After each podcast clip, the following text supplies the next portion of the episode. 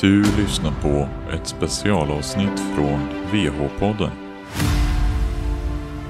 Detta avsnitt är ett samarbete med Shane Guilfoyles The History of Hockey Podcast.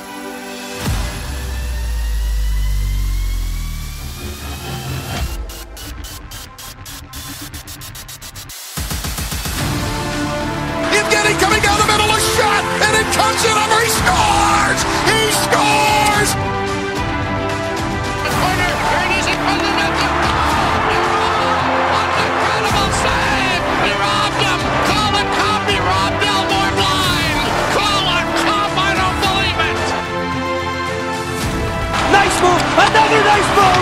He scores. What a goal. It doesn't get any better than this. Now back Oh my. Back Oh my. Down goes Jorgensen. One punch, two punch. You're out of here.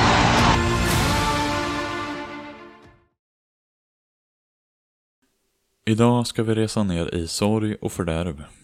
Vi lämnar nordamerikanska berättelser och åker till andra sidan jorden. Dagens avsnitt placerar oss i Jaroslavl, Ryssland, cirka 25 mil nordost om Moskva. Historien vi ska lyssna på idag är inte riktigt en hockeyhistoria. Ett hockeylag är med i det, ja. Men det är historien om Jack 42 flygkatastrofen 2011 som orsakade att hela Jaroslavls professionella ishockeylag förolyckades i en flygolycka. Om jag uttalar några av de ryska namnen fruktansvärt fel så ber jag om ursäkt på förhand. Laget heter Lokomotiv Jaroslavl. De har smeknamnet Järnvägsmännen och ägs av ryska järnvägar och grundades 1959. Att säga att detta lag älskades av sina fans är en enorm underdrift. Det finns verkligen inga ord för att göra rättvisa åt vad människor kände för dem. John Kinney Jr, författare till Jaroslavl Lokomotiv Disaster on Takeoff, säger helt enkelt att laget var älskat, till och med idoliserat. De var stoltheten i en stad och en hel nation, tillägger han. Den 7 september 2011 började som många dagar hade gjort innan det. Det var fint väder. Hockeylaget Lokomotiv gick ombord på sitt plan och förberedde sig för att flyga till Minsk inför lagets första match under den nya KHL-säsongen där de skulle möta Dynamo Minsk. Inte långt efter att spelarna var fastspända på den här perfekta dagen gick det från en dag som skulle ha varit en helt vanlig dag bland otaliga andra dagar till möjligen den mörkaste dagen i hockeyns historia. Kanske hela idrottshistorien till och med. Och en dag som aldrig kommer glömmas bort. Den 7 september var en onsdag. Klockan 14.00 på eftermiddagen anlände Lokomotiv till den lokala Tunushna-flygplatsen. De skulle få flyga på ett Jakovlev eller Jak 42 flygplan. En Jak 42 var ett medelstort passagerarplan som såg sina glansdagar tillbaka i Sovjettiden. Så även om detta plan var, säg en modell från slutet av 80-talet, var det inte direkt sprillans nytt. När den sovjetiska regeringen föll uppstod möjligheten att uppgradera flottan av ryska passagerarflygplan. Detta förslag viftades dock bort. Nu var Luftfartsmyndigheten, eller vilka som nu skulle ta detta uppgraderingsbeslut, säkert skyldig för att välja bort en uppgradering. Men beslutet har en anledning bakom sig, även om det är bristfälligt. Beslutet grundades i att den ryska luftfartsmyndigheten inte trodde att flygplanen behövde uppgraderas eller ersättas. De verkade tro att flygplanen var bra. Flygplanen ansågs vara helt pålitliga, men här går saker inte riktigt som planerat med beslutet att inte uppgradera flygplanen. Jack 42-flygplanet har ett fruktansvärt förflutet. Här är en översikt över några av Jack 42s tidigare krascher. Den 28 juni 1982 upplevde flyg 8641 som flyger från Leningrad ett fel som de inte kunde återhämta sig ifrån. 124 passagerare och 8 besättningsmedlemmar störtade från 10 000 meters höjd ovanför södra Vitryssland när planet kraschade. Felet spårades senare till att en stabilisatormekanism hade fastnat. Varför fastnade den? Den var gammal och behövde bytas ut. Bara åtta år senare, den 14 september 1990, över Koltsovo-flygplatsen bedömde piloten i flyg 8175 sin landning felaktigt och hamnade utanför landningsbanan och flög in bland träden. Orsaken till detta pilotfel var att besättningen hade ignorerat korrekt landningsförfaranden på grund av trötthet. Otroligt nog, av de 129 personerna ombord överlevde 125. Efter ett så dumt misstag som orsaken till denna krasch kunde det verkligen ha varit mycket värre. Bara två år därefter, den 31 juli 1992, startade flyg 7552 från Nanjings flygplats i Kina. Flygplanet kraschade efter ett misslyckat startförsök. Planet fick bara 60 meters höjd och förlorade kontrollen när piloten försökte landa igen. Flygplanet körde förbi hela landningsbanan, kraschade in i en damm och exploderade. 108 av de 126 ombord omkom. Den troliga orsaken, men som aldrig var bevisad, var motorfel. Bara 16 månader efter Nanjing-katastrofen var det dags igen. Den 20 november 1993, nära Orid i Makedonien, drabbades trafikflygplanet av den senaste tragedin. Flyg 110 flög ut från Genève i Schweiz med 108 passagerare och 8 besättningsmedlemmar. Flyget var ursprungligen avsett att landa i Skopje, men på grund av en ovanligt hård snöstorm omdirigerades flygningen till Orid. Väl i Orid försökte piloterna landa, men misslyckades. De kunde dock öka farten, flyga upp och försöka igen. Och det var på detta andra försök som avslutade livet för alla 116 personer ombord. Vid flygplanets andra inflygning slog det i ett berg och katastrofen var ett faktum. Efter utredningen fastställdes ett antal faktorer som bidragit till olyckan. Det första var pilot och besättningsfel. Enligt uppgift misslyckades de också med att följa korrekt protokoll för landning. Och för det andra skyllde makedonska tjänstemän olyckan på ett så kallat VOR-fel. VOR är, så vitt jag vet, en form av radiokommunikation som används av flygplan för att hjälpa till att avgöra var de är och var de är i förhållande till saker runt omkring sig. Så man kan föreställa sig att en sån enhet skulle misslyckas, det är extremt problematiskt. Och för det tredje så bestämde ryska tjänstemän att det hade förekommit någon form av missförstånd mellan piloten i luften och flygkontrolltornet på marken. Den 17 december 1997 mötte flight 241 sin brutala död när återigen pilotfelet var en faktor bakom olyckan. Flygplanet hade missat sitt första landningsförsök och cirkulerade tillbaka för ett andra försök. Och i ett hållmönster på grund av tung flygtrafik på cirka 1000 meters höjd rapporterade piloten flygplanets riktning norrut. Men i verkligheten färdades planet syd-sydväst.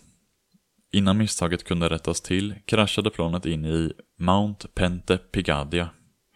Alla 70 personer omkom som var ombord på planet.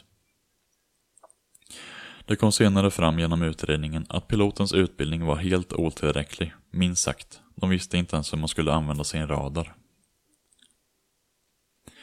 Juldagen 1999. Flyg 310 var på väg från Havanna. 22 personer dog när flygplanet kraschade in i en kulle vid sin slutliga inflygning. Den 26 maj 2003 slog flight 4230 in i ett berg i tjock dimma medan piloten försökte landa för tredje gången. 75 personer ombord, alla omkom. Och detta är bara några av katastroferna den här flygplansmodellen har varit med om. Mellan den 28 juni 1982 och den 26 maj 2003 förlorade 527 personer livet ombord på olika Jack 42 flygplan. Så pilotfel, utrustningsfel, verkligen inte alla katastrofer är flygplanets fel. Men allvarligt talat, den här typen av flygplan verkar inte direkt vara jättebra. Och när vår historia äger rum 2011 är denna flygplansmodellen fortfarande i drift. Besättningen på flight 9633 var kapten Andrei Solementev, andrepilot Igor Sivelov och flygtekniker Alexander Sisov. Kaptenen och andrepiloten var både erfarna och hade massor av flygtimmar. Det finns dock några försiktigheter med detta uttalandet. Båda var erfarna. Och båda hade massor av flygtimmar, det är inget snack om den saken. Men flygtimmarna var huvudsakligen på en modell av flygplan som byggdes före Jack 42. Och det skulle verkligen vara del av katastrofen. Strax före 16.00 lämnade flyg 9633 sin terminalport och taxade ut på landningsbanan. När de väl anlänt till landningsbanan fick piloterna sitt tillstånd för start och planet började accelerera. Runt mitten på banan märkte piloterna att planet inte accelererade så snabbt som det borde göra. Saken blev inte bättre och planet dundrade förbi V1-markören. V1-markören på en landningsbana är i huvudsak så att säga ingen återvändo. En pilot kan enkelt avbryta en start innan V1-markören nås, men efteråt blir det allt svårare. Flygplanet ska lyfta vid cirka 305 km i timmen. Flygplanet var bortom punkten för ingen återvändo och kunde fortfarande inte komma upp i fart. Och det var vid denna tidpunkt, enligt svarta lådan-inspelningar, som flygingenjören Alexander Sisov försökte avbryta starten. Beslutet att faktiskt avbryta en start faller på piloten och av någon anledning åsidosatte kaptenen Andrei Solomentsev Sisovs begäran att avbryta starten. Fanns det fel kommunikation? Förvirring? Visste inte männen i planet vem som egentligen var ansvarig? Vi kommer sannolikt aldrig få veta det. Oavsett orsak till det misslyckade avbrottet fortsätter planet nerför startbanan mot sin undergång. Piloterna började dra i kontrollerna för att få planet från marken, men ingenting hände. Inget svar.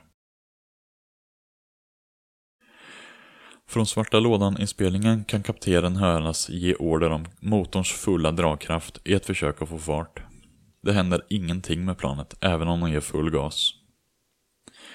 Vid detta startsteg hade de nått en extremt farlig punkt. Från John Kinney Juniors rapport. Flygplanet rörde sig för långsamt för start och alldeles för snabbt för att kunna stanna utan konsekvenser. Och för att göra saken värre var det nu varje pilots värsta mardröm. Landningsbanan började ta slut. Försök för en kort stund att placera dig in i den situationen dessa piloter befann sig i. Den fullständiga skräck som måste ha sköljts över dem är nästan ofattbar. Att sitta i ett plan som går alldeles för sakta för att lyfta, för snabbt för att stanna och nästan ingen landningsbana kvar. Landningsbanan slutar och planet åker på ojämn mark och rusar mot staketet som omger flygplatsen. Efter staketet ligger flygplatsbyggnader. Piloterna fortsätter dra tillbaka sina kontroller och äntligen svarar planet. Flygplanet börjar äntligen lämna marken, men faran är långt ifrån över eftersom flygplanets landningsutrustning fortfarande är nerfällt. Flygplanet är uppe från marken, men är på väg mot en flygplatsantenn. Svarta lådan-inspelningen berättar att kaptenen faktiskt skrek order om att planet skulle roteras, troligen i ett försök att missa den närmaste antennen. Andra piloten Igor Sivelov följer orden och förvånansvärt nog svarar planet direkt. Planet missar antennen. Eller gjorde den det? Nosen på planet gör det i alla fall. Men med landningsstället fortfarande nedfällt kunde planet inte missa antennen helt. De främre däcken träffar antennen och sen blir hela undersidan av flygkroppen också offer för antennen. Detta gör att planet tappar fart och börjar falla, 60 meter från marken. Planet landade i vattnet i floden Tunoshna som löper strax bortom landningsbanan. Flygbränslet läcker ut och antänds när det kommer i kontakt med motorerna. Flygplanet har blivit en eldkula och böljande svart rök kan ses från flera mil. Flygplanet är en oräknelig mängd delar. Faktum är att den enda delen av planet som fortfarande är helt intakt är den vertikala stabilisatorn som är fäst vid den tredje motorn. Landningsstället slets av från flygkroppen och slängdes till flodens strand. Bränder brinner ovanpå vattnet. Hjälmar, klubbor, skridskor och matchtröjor sjunker till botten av floden. Cirka 20 minuter efter kraschen är det fullt i området med räddningspersonal. 45 personer var ombord på det dömda flygplanet. 43 av dem dog i kraschen. De två överlevande, Alexander Galimov och flygingenjör Alexander Sisov, fördes till sjukhuset så fort det bara gick. Nyheten om kraschen sprids på ett ögonblick genom Ryssland och världen över. Ljusvakor började i varje hörn av Ryssland och begravningstjänster erbjöds på lagets arena. 100 000 personer närvarade vid begravningen. Alexander Galimov avled fem dagar efter kraschen av sina skador och lämnade Alexander Sisov som ensam överlevande av denna hemska händelse. Från John Keeney Jrs bok i kölvattnet av olyckan grep en våg av känslor som aldrig tidigare upplevts tag om staden och dess invånare. Detta var ingen vanlig flygolycka. Detta var något som hade påverkat hela befolkningen ett land och ett sätt att leva. Ryssland och idrottsklubbar över hela världen hade förlorat något som aldrig kunde ersättas. För vissa människor i Ryssland som var tillräckligt gamla för att komma ihåg väckte denna flygolycka häpnadsväckande minnen från en händelse 60 år tidigare. År 1950 hände en flygolycka som orsakade att laget VVS Moskva omkom i en krasch på väg till Tjeljabinsk. Bara två spelare var oskadda. Och det berodde på att de inte var med på planet den dagen. Den ena var skadad och den andra reste till matchen med tåg för att han hade försovit sig och därför missade flyget med laget. Efter händelsen blev den ryska regeringen hårt ansatta. Folk ville ha svar. Hur kunde något sånt här hända? Från början hade utredarna två stora hinder i vägen för sanningen. Den första var en fullständig brist på uppgifter från ögonvittnen som ansågs trovärdiga. Folk sa att de hade sett det hela, visst, men ingenting läggs till. Det andra hindret var att planen var i en enorm mängd delar, uppbränt och låg på botten av en flod. Alexej Morozov var den ledande utredaren och hade egentligen bara en ledtråd till haveriet. Planet hade varit för långsamt under start. Han skickade flygplanets bränsle på test, men ingenting ovanligt hittades. Bara tre dagar efter olyckan hittades de svarta lådorna, men de hade vattenskador. Lådorna skickades iväg för torkning och analys. Medan det pågick började sökningen efter motormekanismen som styr vingarnas klaffar och lameller. Efter detta hittades en av motorerna. Analysen visade att motorn inte var orsaken till kraschen. I flera månader uteslöt utredarna varje möjlig utrustning som kunde ha varit orsaken till kraschen. Med utrustningen nu klar hade utredarna inget annat val än gå vidare till nästa möjliga anledning. Piloterna. Men de svarta lådorna är nu torra och redo för granskning och analyserande av uppgifter. Uppgifterna visade att piloterna verkligen utförde sina flygprocedurer korrekt. Så vad var det som hände då? Var det utrustning? Var det piloterna? Närmare undersökning av svarta lådan-uppgifterna visade att när piloterna försökte komma upp i fart på startbanan hade de blivit utsatta för vad man kan kalla en fantombromsning. Vilket förhindrade att de kunde öka till den nödvändiga hastighet som behövdes för att lyfta. Det fanns också enorma märken som ledde ner från startbanan från flygplansdäcken. Utredarna började gräva ännu djupare in i piloternas historia efter detta. Kommer ni ihåg tidigare när jag sa att piloterna hade gjort en majoritet av sina flygningar på modellen som byggdes före Jack 42? Jack 40 var den modell av planet som piloterna var mest bekanta med, men de flög en Jack 42. Är dessa två flygplan lika varandra? Det är de absolut. Men är de likadana att flyga? Nej, verkligen inte. Faktum är att det finns en väldigt enkel men helt avgörande detalj där de är olika. Bromsarna. Detta upptäcktes snart av utredarna. Upptäckten var i bromssystemen för varje flygplansmodell. Först Jack 40. Bromspedalen var utformad så att piloten för att kunna använda dem skulle behöva sätta fötterna helt på dem. Och här är den enkla men helt avgörande skillnaden. Pedalerna utformades så att en pilot bara behövde sätta tårna på pedalen för att han skulle bromsa. Tanken var att piloten skulle lägga hälarna på golvet och vila tårna på pedalerna. När någon har spenderat en enorm mängd tid på att bara flyga en typ av flygplan och sen byter till en nyare modell utan att veta de finare detaljerna i det nya flygplanet. Ja, det är då det kan bli skillnaden mellan liv och död.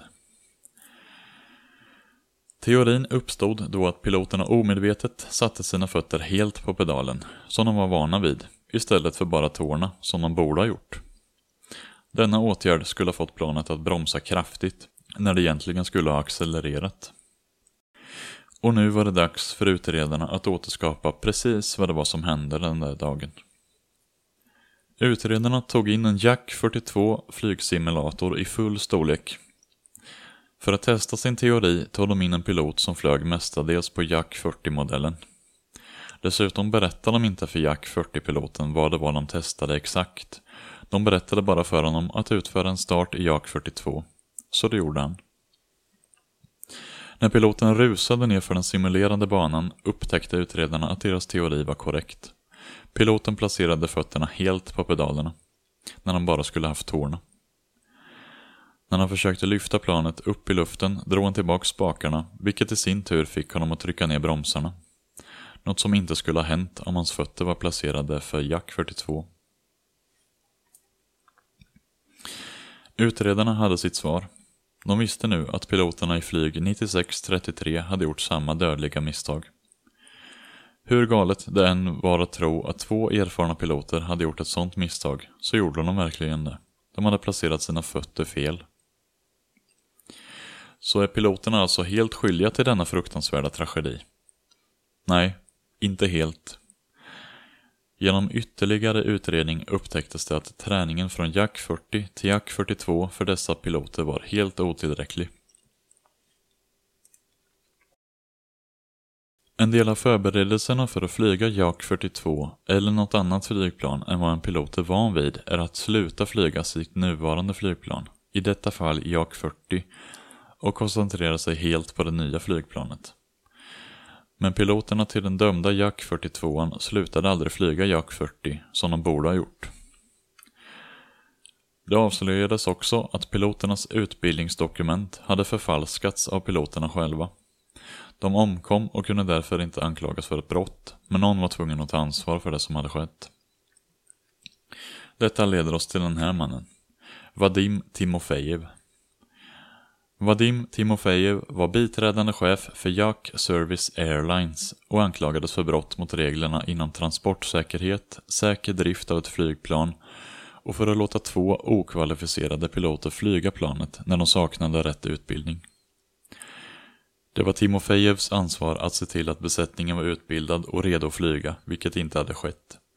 JAK Service Airlines lades därför ner. Dålig utbildning, Möjlig felkommunikation bland personer som ansvarar för andras säkerhet, förfalskade dokument, felaktig placering av en fot. Allt detta ledde till denna helt undvikbara tragedi.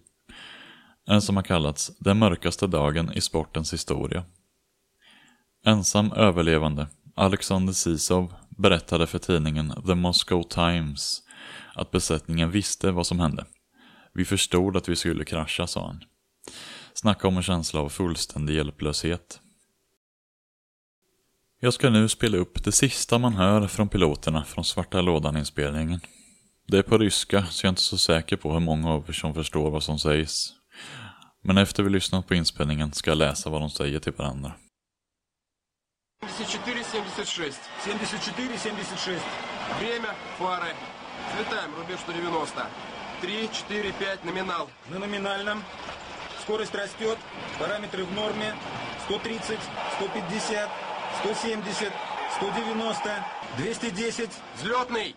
220, 230. Наверное, стабилизатор. Взлетный! Взлетный! Стабилизатор! Что ты делаешь? Взлетный! Взлетный! Андрю!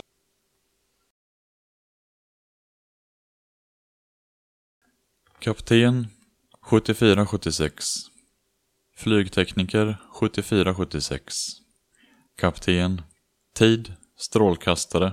Vita fart. Toppfart 190 3, 4, 5 Nominell. Flygtekniker. Nominell på. Hastighet ökar. Flygparametrar är normala. 130, 150, 170, 190, 210 Kapten Växla till start. Flygtekniker 220, 230 Andre pilot Kanske det är stabilisatorn. Kapten Start, start, stabilisator. Andre pilot Vad gör du? Kapten Start. Flygtekniker Start på. Kapten Förbannat. Andre pilot Andrei. Lagets motto har blivit Gone but not forgotten. Må ni alla vila i frid. Tack för att ni har lyssnat.